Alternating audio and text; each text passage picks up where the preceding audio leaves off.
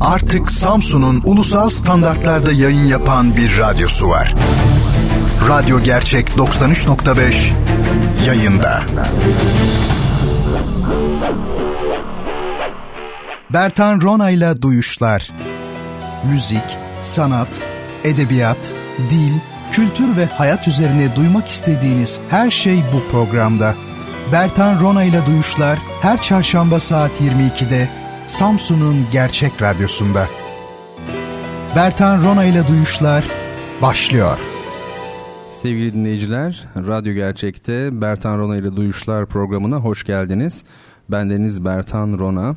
Duyuşlar programını her hafta sizler için hazırlayıp sunuyorum.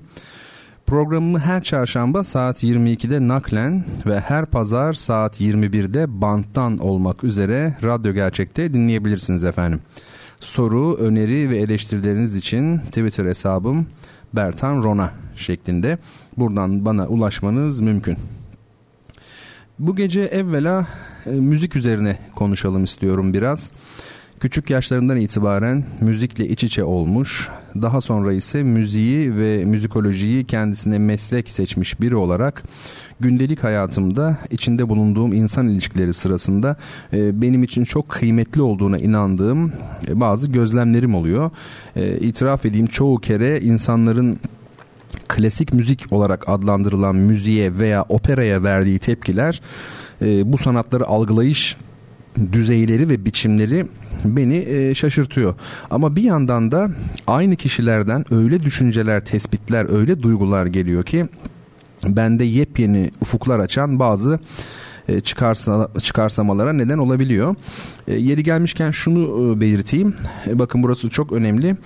Belki şaşıracaksınız ama deneyimlerim bana sıradan denilen insanların tırnak içinde söylüyorum sıradan denilen insanların müzik konusunda hiçbir eğitimi bilgisi olmayan insanların tespit ve düşüncelerinin e, müziği anladığını zanneden yarı aydınlara nazaran çok daha isabetli olduğunu göstermiştir.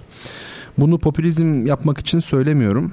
Popülizm af buyurun midemi bulandıran birkaç şeyden biridir benim. Ben gerçeği ifade ediyorum. Peki neden e, bilgisiz kişiler kendilerine nazaran daha bilgili olan insanlara göre meseleye e, zaman zaman daha doğru bakabiliyorlar? E, bence şundan dolayı e, bilmeyen insanın dimağı da kirlenmemiş oluyor haliyle. Daha saf ve temiz tabiri caizse çocuklar gibi böyle koşulsuz ön yargılardan arınmış bir biçimde bakabiliyorlar e, dinledikleri müziğe. Oysa yarı aydınların e, müziği veya sanatı kısmen bilen insanların ön yargıları var. E, her bilgi bir tür ön yargıdır çünkü. E, onlar akılları ile hareket ediyorlar genellikle ve 20. yüzyılın en büyük bestecilerinden Igor Stravinsky'nin de söylediği gibi yanılan akıldır, içgüdü yanılmaz efendim. Mesela az çok opera dinlemiş, e, hatta e, temsile gidip sahnede e, opera görmüş olan insanların çoğu için e, opera adeta bir e, fetiştir, bir tapılacak bir puttur e, operaya hiçbir şey söylenmesine izin vermezler mesela. Bu konuda çok aşırı böyle sekterdirler. Opera sanatının her şeyden üstün olduğu gibi e, kanıları veya işte ne bileyim e, türkülerin arya tekniğiyle söylenmesi gerektiği gibi ne demekse o e, böyle e, tuhaf e, düşünceleri vardır. Ama e, bu insanla aslında ne opera sanatının detaylarından, e, pratiğinden ne şan tekniği denilen e, şeyden ve ne de operanın şanın tarihçesinden konuşabilirsiniz. Yani bu insanlar bunları bilmezler genellikle. Ee, ben konuyu somutlaştırmak üzere bir örnek vereyim şimdi. Kendi başımdan geçmiş bir olay bu. Bir keresinde bir opera temsilimizin sonrasında şarkıcıları tebrik etmek üzere seyirciler kulise gelmişlerdi. Ee, orada işte tabii böyle kibar diyelim hanımefendiler, beyefendiler vardı. Bizi tebrik ediyorlardı. Yine orada böyle daha halktan diyebileceğimiz bir adamcağız da bizi tebrik ederken nasıl da yüksek bağırıyorsunuz ya gibi bir şey söyledi. Yani ben bana değil tabii ben e, şarkıcı olmadığı için bana değil ama şarkıcılara nasıl da yüksekten bağırıyorsunuz ya gibi bir şey söyledi. Ben o esnada diğer insanların ve hatta ne acı ki sanatçıların bir kısmının da bu cümleden e, böyle biraz rahatsızlık duyduklarını adamcağıza böyle bir parça küçümseme ile baktıklarını hatırlıyorum. Oysa şimdi söylediğime e, şaşıracaksınız belki ama e, adam doğru söylemişti biliyor musunuz? Doğruydu çünkü e, bir opera şarkıcısını diğer şarkıcılardan ayıran ilk ilk yani birinci somut gösterge mikrofon kullanmamasıdır. Daha doğrusu mikrofon kullanmadan sesini e, uzaklara duyurabilmesidir. Şan tekniği temelde bunun için e, var. Çünkü opera 16. yüzyılda İtalyan saraylarında ortaya çıktı ve o dönemde mikrofon da yoktu. Şarkıcıların seslerini bu saray odalarında ve sahnelerinde duyurabilmeleri gerekiyordu. İşte bu da aslında tam olarak bağırmak demektir. Zaten Türkçenin yapısı itibariyle düşünecek olursanız bağırmaya paralel olarak çağırmak fiili veya çığırmak diyelim çığırmak fiili e, nedir? İşte söylemek, okumak gibi anlamlara da gelir. Hani türkü çığırmak denir ya onu kastediyorum. Neyse e, teknik olarak ayrıntıya girmeyelim. E, ama dediğim gibi tırnak içinde e, halktan tabir olunan insanların tespitleri zaman zaman çok daha isabetli olabiliyor. E, bunu söyleyebiliriz. Aksi durumlar olduğunu da kaydetmek şartıyla tabii. Ee, söylediğim gibi insanların dışarıdan müziğe nasıl baktıklarını görmek beni e, zaman zaman şaşırtmıştır. Mesela çoğu kişiye göre klasik müzik insanı dinlendiren hani vardır ya böyle klişeler işte insanı dinlendiren anlaşıl ama anlaşılması zor olan e, bazı güzel temaları olsa da böyle melodik temaları olsa da genellikle diyelim sıkıcı olabilen fakat üst düzey bir kültürü gerektiren ifade eden bir müzik türü. Böyle değil mi yani kalıplaşmış tanım bu. E, yani kabul edelim çoğu kişi için böyle. E, aslında bunda bir doğruluk payı yok değil. Çünkü tarih boyunca büyük medeniyetleri şöyle bir düşündüğünüzde e, aslen hepsinde müziğin üç ana damardan geldiğini görebilirsiniz. Birincisi halk müziği, ikincisi dini müzik, üçüncüsü ise sanat müziği veya klasik müzik. Ancak ikinci ve üçüncünün kaynağında yani dini müzikle sanat müziğinin, klasik müziğin kaynağında birincisi vardır. Yani e, halk müziği vardır. Bu bir vaka. 19. yüzyılda Avrupa'da romantik periyot çerçevesinde milli müzik akımları mesela yayılmıştı. O yıllarda bestelenmiş eserlere bakacak olursak halk müziğinden geniş oranda yararlanıldığını görmek mümkün. Ee, üstelik bu eğilim çağımızda da devam etmiş olan bir eğilim, eden bir eğilim. Hatta bugün geçmiştekinden de büyük bir önem arz ettiğini söyleyebiliriz. Çünkü şunu kabul edelim. Klasik müzik denilen müzik türü e, dünya genelinde aslında bir bunalım yaşıyor. E, evet e, çok değerli, son derece gelişmiş ve sanatsal bir müzik. Ama e, bu ve benzeri sebeplerden ötürü artık pek de dinleyici bulamıyor. Ee, bugün Avrupa'nın belli başlı merkezlerinde Viyana'da, Paris'te, Berlin'de, Roma'da bir opera temsiline, bir senfonik konsere giderseniz yaş ortalamasının 60'ın üzerinde olduğunu görürsünüz. O nedenle klasik müziğin kendisini tekrar kitlelerle buluşturacak bir dil bulması lazım. İşte bu noktada da başta Türkiye olmak üzere bizi e, çağrıştıran veya şöyle diyeyim bize benzeyen bazı ülkelerde Türkiye ile beraber çok zengin bir görünüm arz eden halk müziği materyali ve melodi yapısı çok hayati bir kaynak olarak öne çıkıyor. Yani klasik müziğin önümüzdeki 10 yıllarda tekrar yaygınlık kazanabilmesi bu materyali değerlendirebilmesine bağlı biraz da. Türk besteciler e, ki e, bu programda sık sık onların eserlerinden örnekler çalıyorum e, ben size. E, bu besteciler, Türk besteciler yani folklorik malzeme ile zaten hep iç içe oldular. E, sebepleri var bunun. Şimdi girmeyeceğim. İç içe olmayanlar da var aslında ama ben kahir ekseriyetinden söz ediyorum. E, şimdi size bunlardan birini dinleteceğim. Tabi artık e, sözümü bağlayabilirsem e, inşallah. 1907-1991 yılları arasında yaşamış. E, eserleri günümüzde Avrupa orkestraları tarafından seslendirilerek CD yapılan büyük ölçekli eserleriyle tanıdığımız e, Ahmet Adnan Saygun'dan bir oda müziği yapıtı. E, daha doğrusu bir parçası. Bestecinin keman ve piyano için yazdığı Demet adlı suitinden ikinci parça. Adı Horon. E, bu eserinde besteci işte deminden beri sizlere anlattığım gibi halk müziği malzemesinden istifade etmiş. Karadeniz yöresine ait bir halk dansı olan horonu imite ederek e, güzel bir keman piyano eseri vücuda getirmiş. Tabii burada doğrudan bir halk müziği etkisi beklememek lazım. E, o malzemeyi kullanan Saygun bir stilizasyon içinde kendi dilini konuşuyor aslında.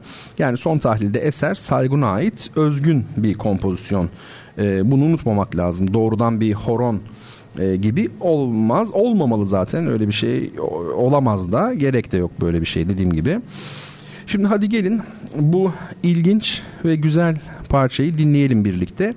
Kemanda Hande Özyürek, piyanoda Uwe Brandt e, var. E, Hande Özyürek'in e, Saygun'la Yüz Yüze adlı albümünde yer alıyor bu parça.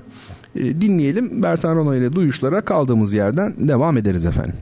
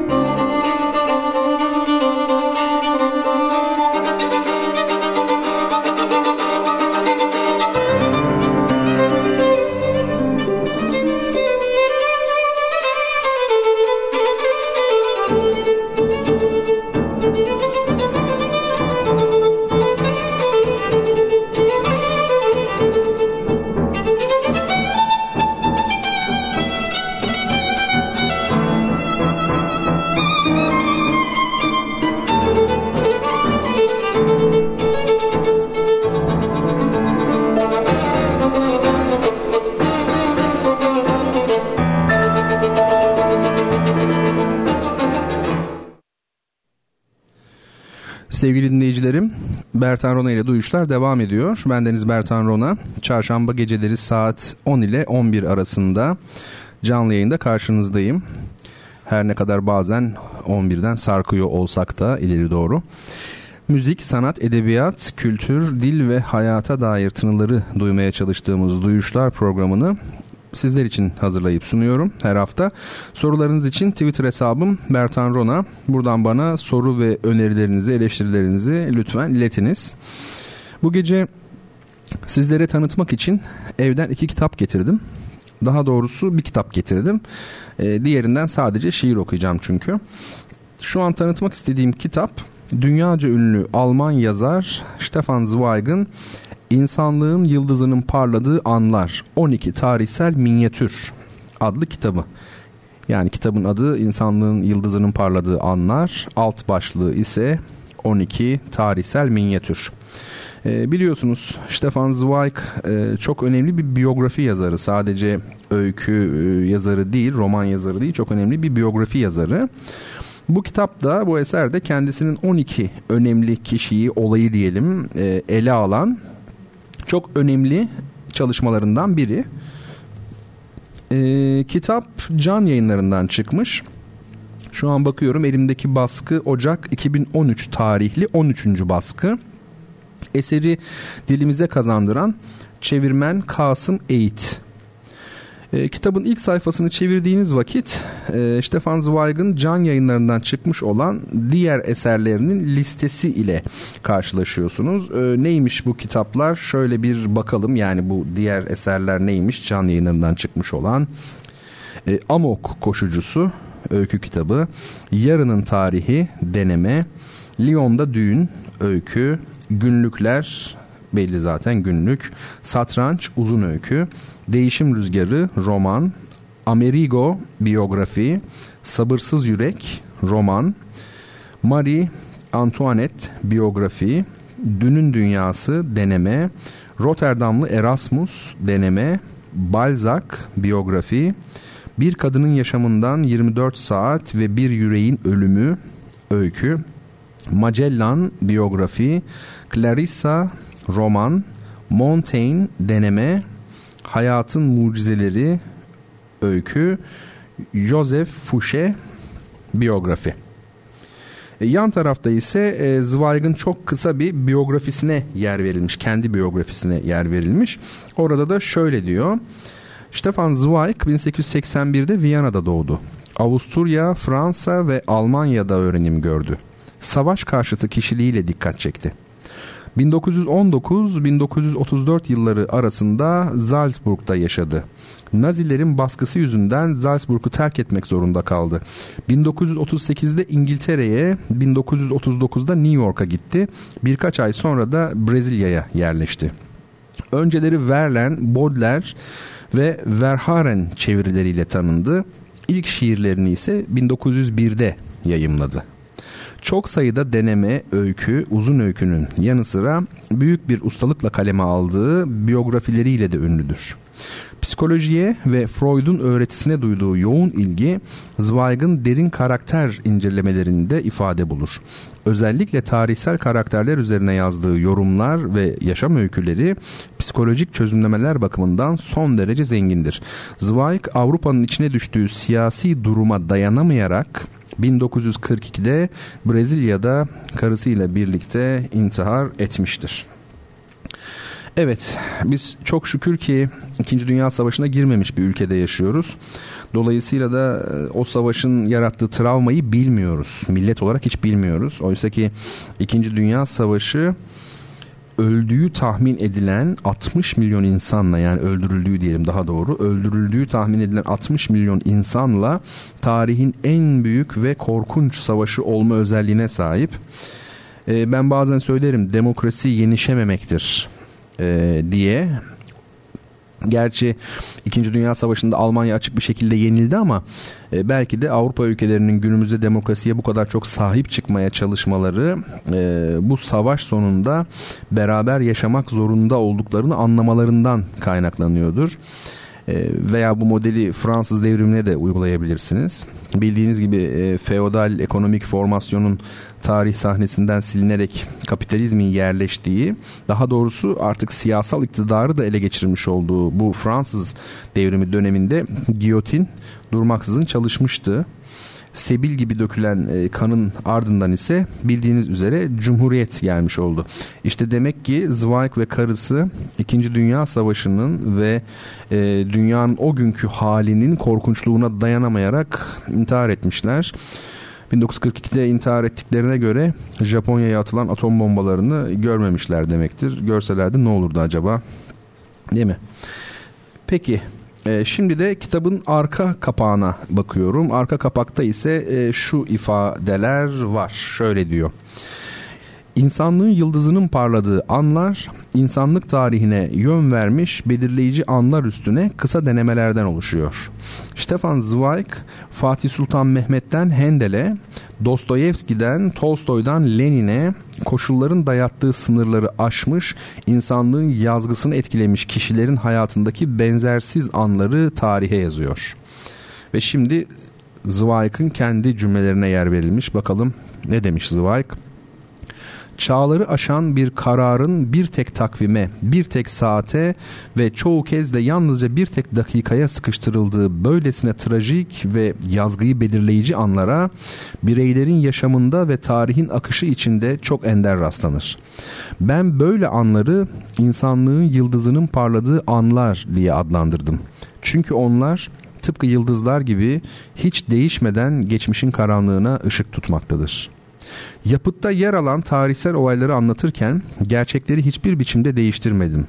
Kendi katkılarımla renklendirip zenginleştirmedim. Çünkü tarih kusursuzluğa ulaştığı böylesine eşsiz anlarda kendisine yardım için uzanan ellere gereksinim duymaz. O bir şair, bir dram yazarı işlevini gerçek anlamda yerine getiriyor. Hiçbir şair onu aşmayı denememeli. Evet, güzel sözler söylemiş, büyük sözler söylemiş Stefan Zweig. Ee, peki insanlığın yıldızının parladığı anlar kitabında bahsedilen tarihi şahsiyetler, olaylar kimler? Kısmen geçti az önce. Ama e, söyleyelim burada bizim tarihimizden de bir isim var. E, kim o? Tabii ki Fatih Sultan Mehmet. Şimdi kitabın içindekiler kısmına e, bir göz atıyoruz birlikte. Bakalım içindekiler kısmı hangi başlıklardan oluşuyor? Birinci bölüm ölümsüzlüğe sığınış, ikinci bölüm Bizans'ın fethi. İşte burada Bizans'ın fethi, İstanbul'un fethi anlatılıyor. 3. Georg Friedrich Handel'in yaşama dönüşü bir barok dönem bestecisi olan Handel'den söz ediliyor.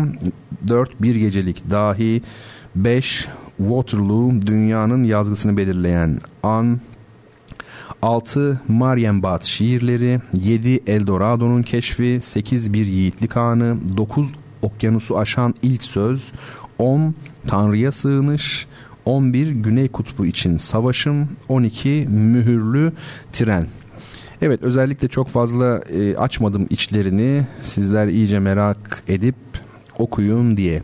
Sevgili dinleyicilerim, Stefan Zweig'ın İnsanlığın Yıldızının Parladığı Anlar 12 Tarihsel Minyatür adlı kitabını ben hepinize tavsiye ediyorum. Rahatlıkla okuyacağınız, e, bir yandan edebi bir lezzet alırken bir yandan da tarih bilginizi arttıracağınız bir kitap bu. E daha ne olsun değil mi? E, öyleyse bir kitapçıya gitmek veya internet üzerinden kitabı, kişi kitabı, kitabı dedim. O daha doğru belki de. Kitabı sipariş etmek kalıyor geriye. Türkçe'de bir uzun hece meselesi vardır.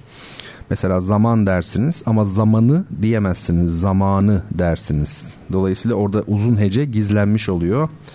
Bu da onunla ilgili bir durumdu. Fazla herhalde Osmanlı Türkçesi düşünmekten mi kaynaklanıyor? Ee, az önceki telaffuzum e, bilmiyorum. Efendim şimdi bir müzik arası vereceğim. Ne dinleyelim peki birlikte? Hadi gelin bir caz parçası olsun bu. Ülkemizin önemli gitarcılarından Sarp Maden'in Bence isimli albümünün açılış parçası Inspired All yani her şeye rağmen. E, bu albümde yer alan diğer müzisyenleri de e, zikredelim. Genco Arı, Eylem Pelit, Volkan Öktem ve Sibel Köse. Bertan Rona ile duyuşlar kaldığı yerden devam edecek.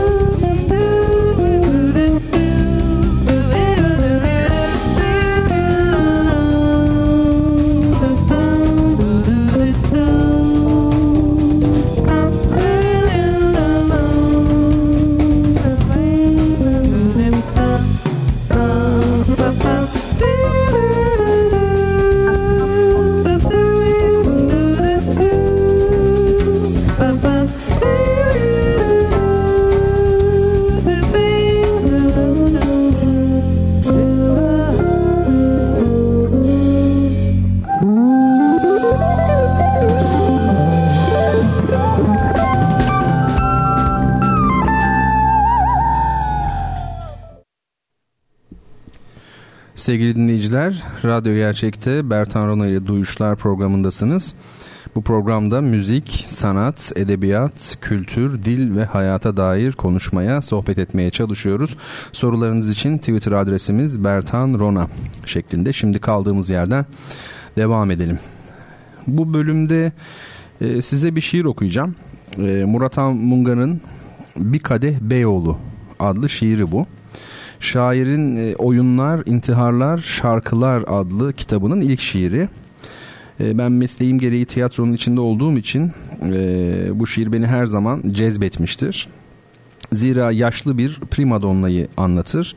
Tiyatro hayatına geçmişe duyulan bir nostalji ama bir yandan da kaybolup giden bazı değerler için yakılmış bir ağıt gibidir. Tabii e, Tanzimat'tan Cumhuriyete yaşanan toplumsal gelişmelerin izleri de var bu şiirde. Felsefi bazı göndermeler de. Aslında kitapta e, genel olarak çok güzel şiirler var hakikaten. Ünlü İngiliz romancı Virginia Woolf için yazılmış olan Bir Kadın ve Bir Irmak için Şiirler adlı dizi bunlardan biri. E, biliyorsunuz Wolf kendini bir ırmağa atarak intihar etmişti. Ama bu gece bir intihar duyduk zaten. Stefan Zweig'ın intiharın ikincisine gerek yok aman orada kalsın. Biz şimdi e, kendi şiirimize dönelim ve Murat Han Munga'nın 1979 yılının Aralık ayında yazdığı Bir Kadeh Beyoğlu adlı şiiri dinleyelim. Bir Kadeh Beyoğlu Siz tanımazsınız beni. Ben ki eski sahnelerin primadonnasıyım. Dul kalmış şapkalarım anlatır mı size üzerime sinmiş cömert alkışlarını eski Ayapera'nın ve Cumhuriyet balolarında yitirdiğim intihar güzeli yüzlerini göndere çekilmiş mor balonların. Siz tanımazsınız beni. Bir kadeh Beyoğlu'yum eski zamanlardan. Kıskanç perdelerin zamandan esirgediği, kendini boğan ayaklarıyım yılların. Siz kaçıncı yolcususunuz eski Ayapera'nın ve bu oynadığınız yorgun tuluat hangi dilden çevirisidir elma yanığı el yazmaların? Adımlarını sahneden ve hayattan esirgemeyen kadınlar, cennet sürgünü kadınlar, mutsuzluğunu yaşadılar gene de sahnede kurşuna dizilmenin.'' Hadislerini yitirmiş mülksüz anılar edinmenin, erken dulluğunu cumhuriyetin. Şimdi iz süren ayaklarınızdaki yorgun yenilgi bundan, şapkalarınıza konan ölümün göçmen kuşlarından. Siz tanımazsınız beni. Eskiden sokaklar daha dardı.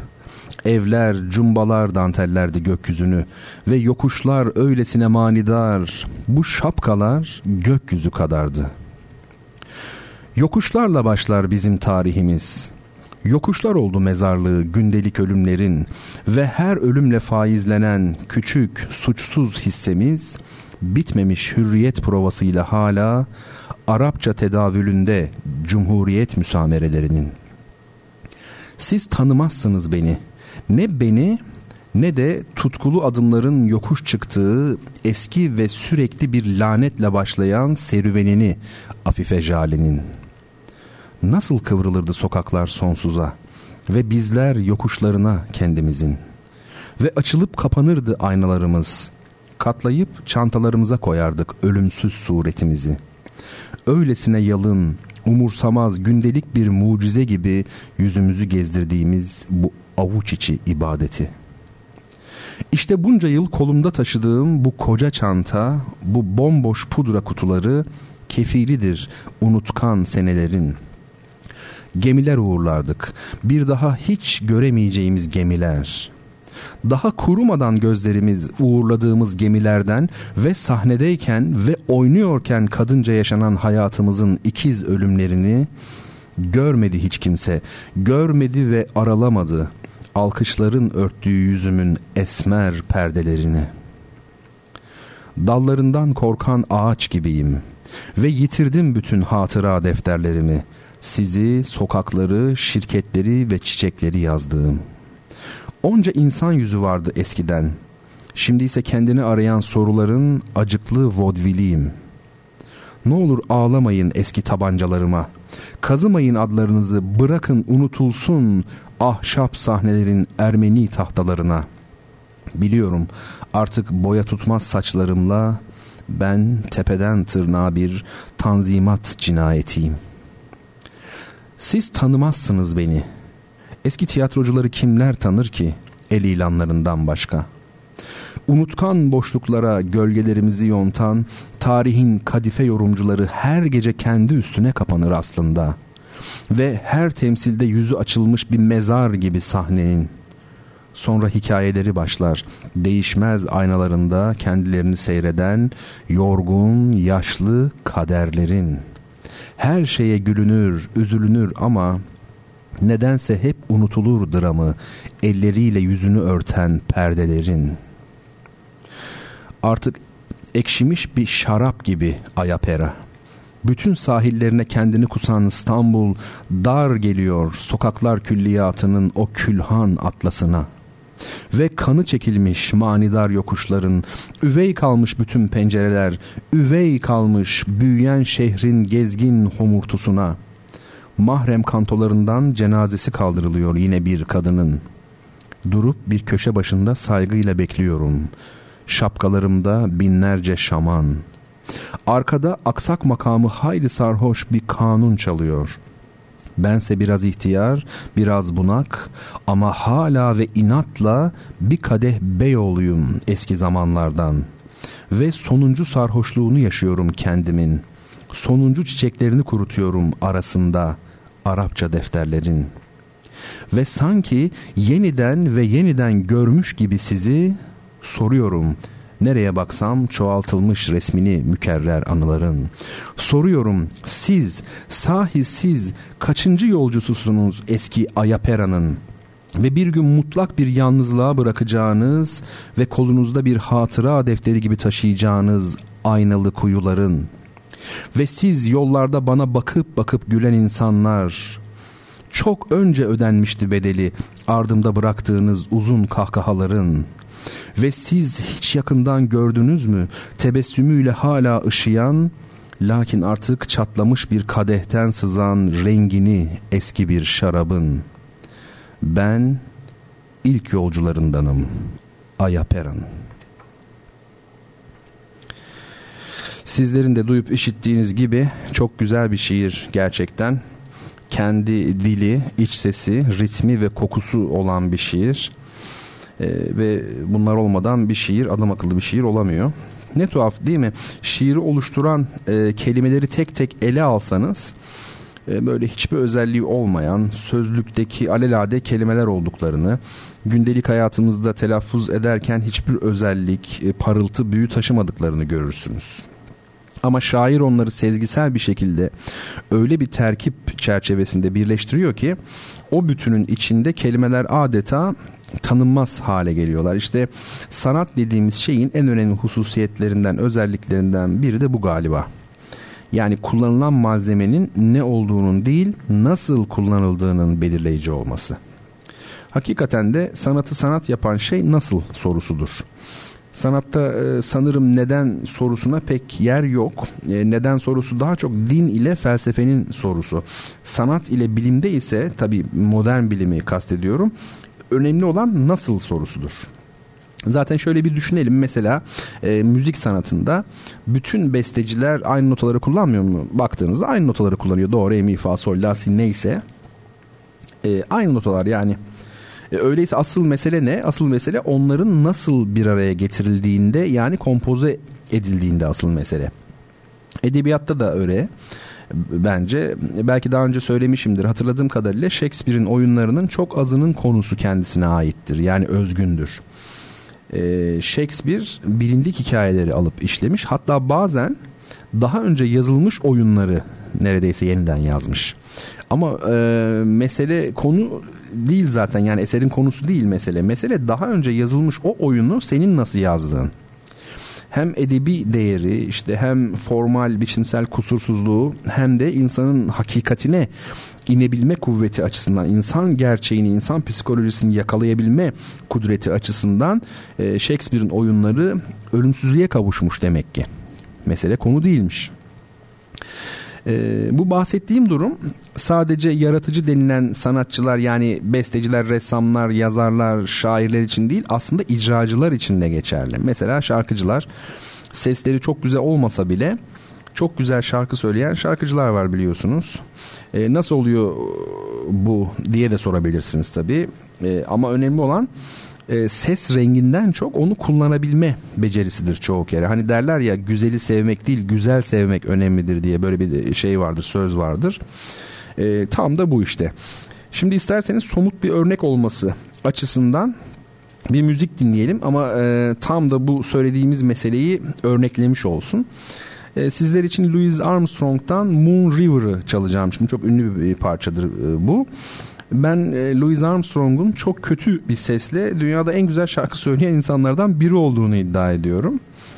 Ee, bakalım iddiam kabul görecek mi? Bu nefis parçanın ardından Bertan Rona ile Duyuşlar son bölümüyle devam edecek dostlar. Moon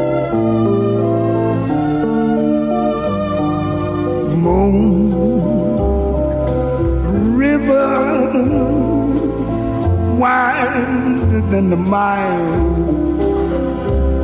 I'm crossing you in style someday. Old dream maker, you heart breaker, wherever you are going, I'm going your way.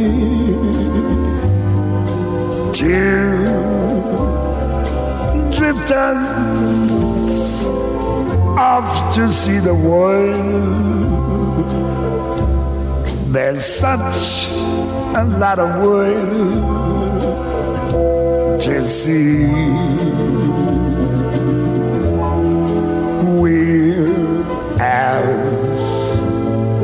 Done the same.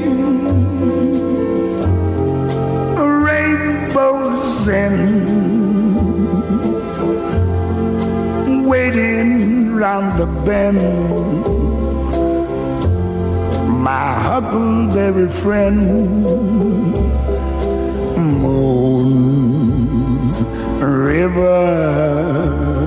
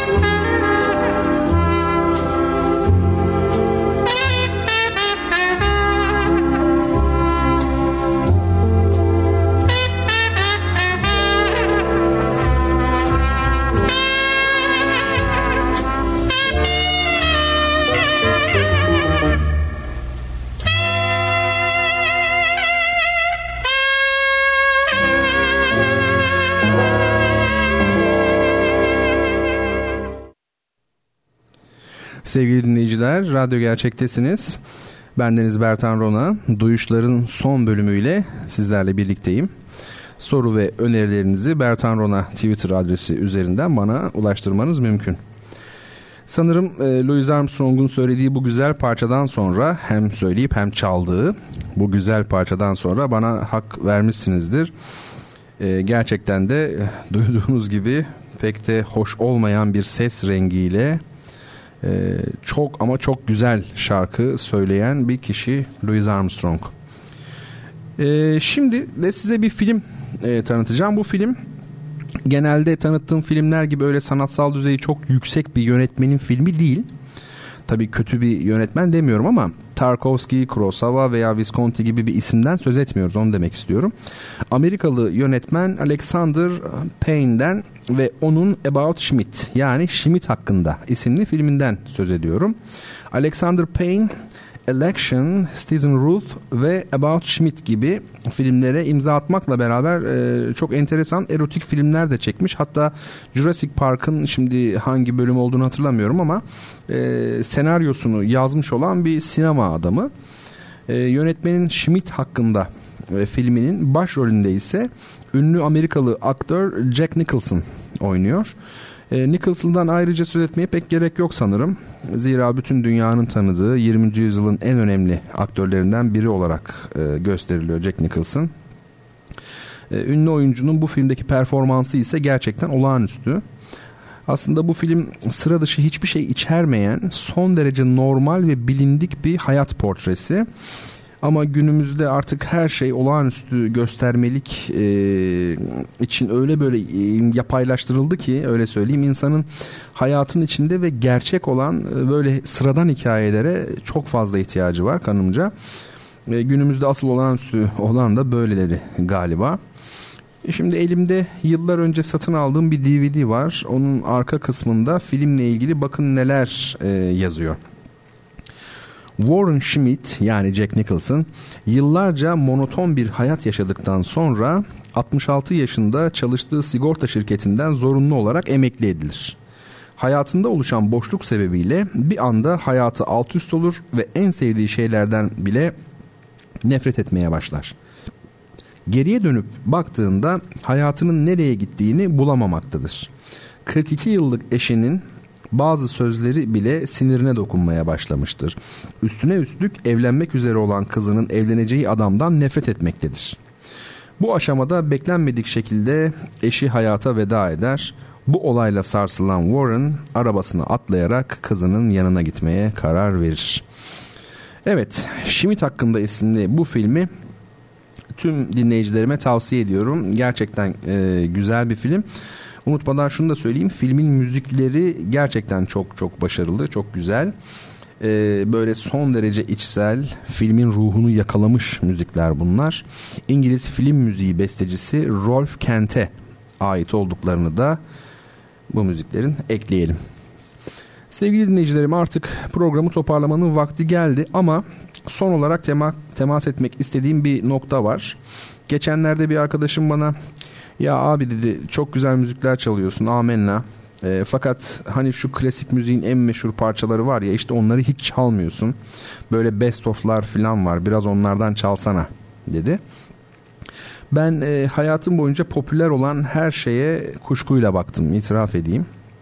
Çünkü bir sanat eserinin gerçekten sanat eseri olup olmadığının anlaşılması için zamanın testine tabi tutulması gerekir ben şu an e, gündeme oturan e, eserlerin bir kere hepsini takip edecek zamanım yok. O kadar zamana sahip değilim.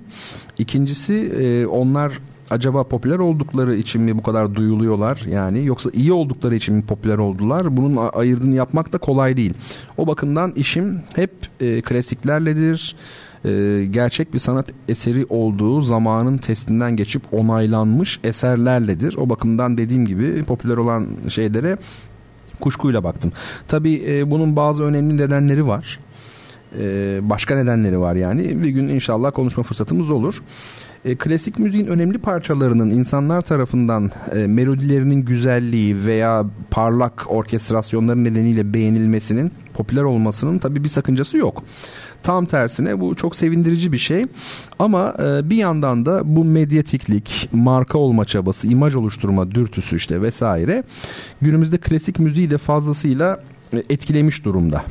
Klasik müzik de bundan e, nasibini aldı. Artık klasik müzik piyanistleri, orkestra şefleri, şarkıcıları filan birer neredeyse pop yıldızına benzer oldular açıkçası. Ee, bu meselelere tabii detaylı olarak hani size geçen hafta sözünü ettiğim 8. E, Uluslararası Hisarlı Ahmet Müzikoloji Sempozyumunda sunduğum bir bildiride değinmiştim. Bu medyatizm ve görsel kültür tahakkümü aslında klasik müziğin özüne ters bir durum. Bunun da çok uzun konuşulmayı gerektirecek bir açılımı var. O nedenle fazla uzatmayacağım. Sadece herkesin kendisine şu soruyu sormasını istiyorum. Hangi soruyu sormasını istiyorum? O soruyu soracağım ama şu an sevgili takipçilerimden gelen bir soruyu cevaplamak üzere pause yapmış olayım. Ee, şöyle bir bakalım. Ee, Burcu Ece Korkmaz çok sevgili takipçilerimden biri. Sizin film tavsiyesinde bulunan radyo programınız var mı demiş.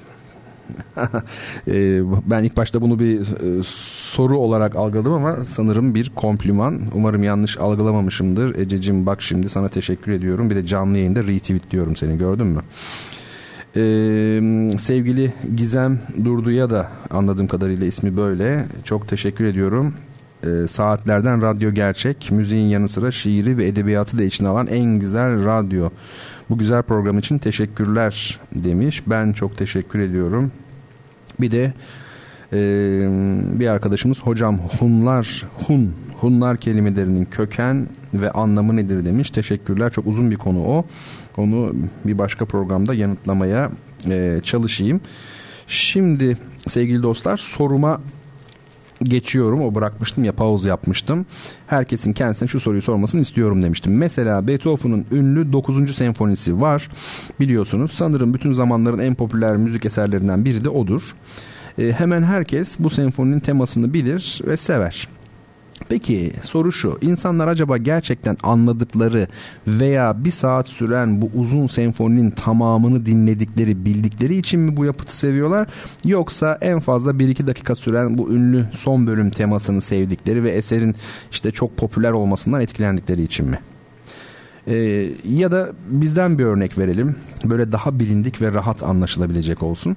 Mesela Nazım Hikmet çok e, popüler bir şairdir. Necip Fazıl Kısakürek de öyledir. İkisinin de kitapları her zaman e, aranan, satılan kitaplar arasındadır. İkisinin de ismi her zaman anılır. Ama sizce bu iki büyük şairimiz gerçekten adam akıllı anlaşıldıkları için şiirleri güzelce okunup zevk edildiği için mi bu kadar popüler oldular? Yoksa siyasi sahipler, yönelimler ve tercihler sonucunda mı? Bana öyle geliyor ki ikincisi. Yani kabul edelim şimdi Nazım Hikmet'i Türkiye'deki sol kesim, Necip Fazıl'ı ise İslamcı kesim sahiplenirler. Her iki taraf da diğerini hiç okumaz. İşte tam da bu aslında kendi okuduklarını, kendi şairlerini de anlamadıklarının bariz kanıtıdır. Çünkü şiiri güzel ve değerli yapan onun ideolojik tandansı, o şairin ideolojik eğilimi değil, şiirin altyapısında bulunan o bakış açısı, ideolojik bakış açısı değil, edebi değeri. E, bu iki isim de çok çok büyük şairler olduklarından birini anlayanın diğerini de anlayıp sevmesi gerekir aslında. Fakat e, Türkiye'de böyle olmuyor ne yazık ki. Daha önce de söylediğim gibi her şeyi gündelik politikanın, günlük siyasetin sığ sularında kurban ediyoruz maalesef. Efendim bu tespitleri yaptıktan sonra e, arkadaşımın sözünü ettiği o klasik müzik best of'larından biriyle sizlere veda ediyorum çok çok popüler bir klasik müzik eseri Mendelssohn'un ünlü keman konçertosunun birinci bölümü. Kemancı Maxim Wengerov e, Leipzig Gewandhaus Orkestrası eşliğinde seslendirmiş. Orkestra şefi Kurt Mazur. E, haftaya aynı gün ve saatte tekrar görüşebilmek dileğiyle hoşçakalın demeden önce e, yine bendeniz tarafından hazırlanıp sunulan Geçmiş Zaman Olur Ki programını anonse edeyim e, tarihte yaşanmış enteresan tuhaf olaylar ile yine tarihte yaşamış garip ve ilginç kişileri anlattığım kompakt bir program olan Geçmiş Zaman Olur ki pazartesi ve cuma akşamları saat 21'de Radyo Gerçek'te dinleyebilirsiniz e, dostlar. Haftaya Bertan Rona ile Duyuşlar'da buluşmak üzere. Esen kalın.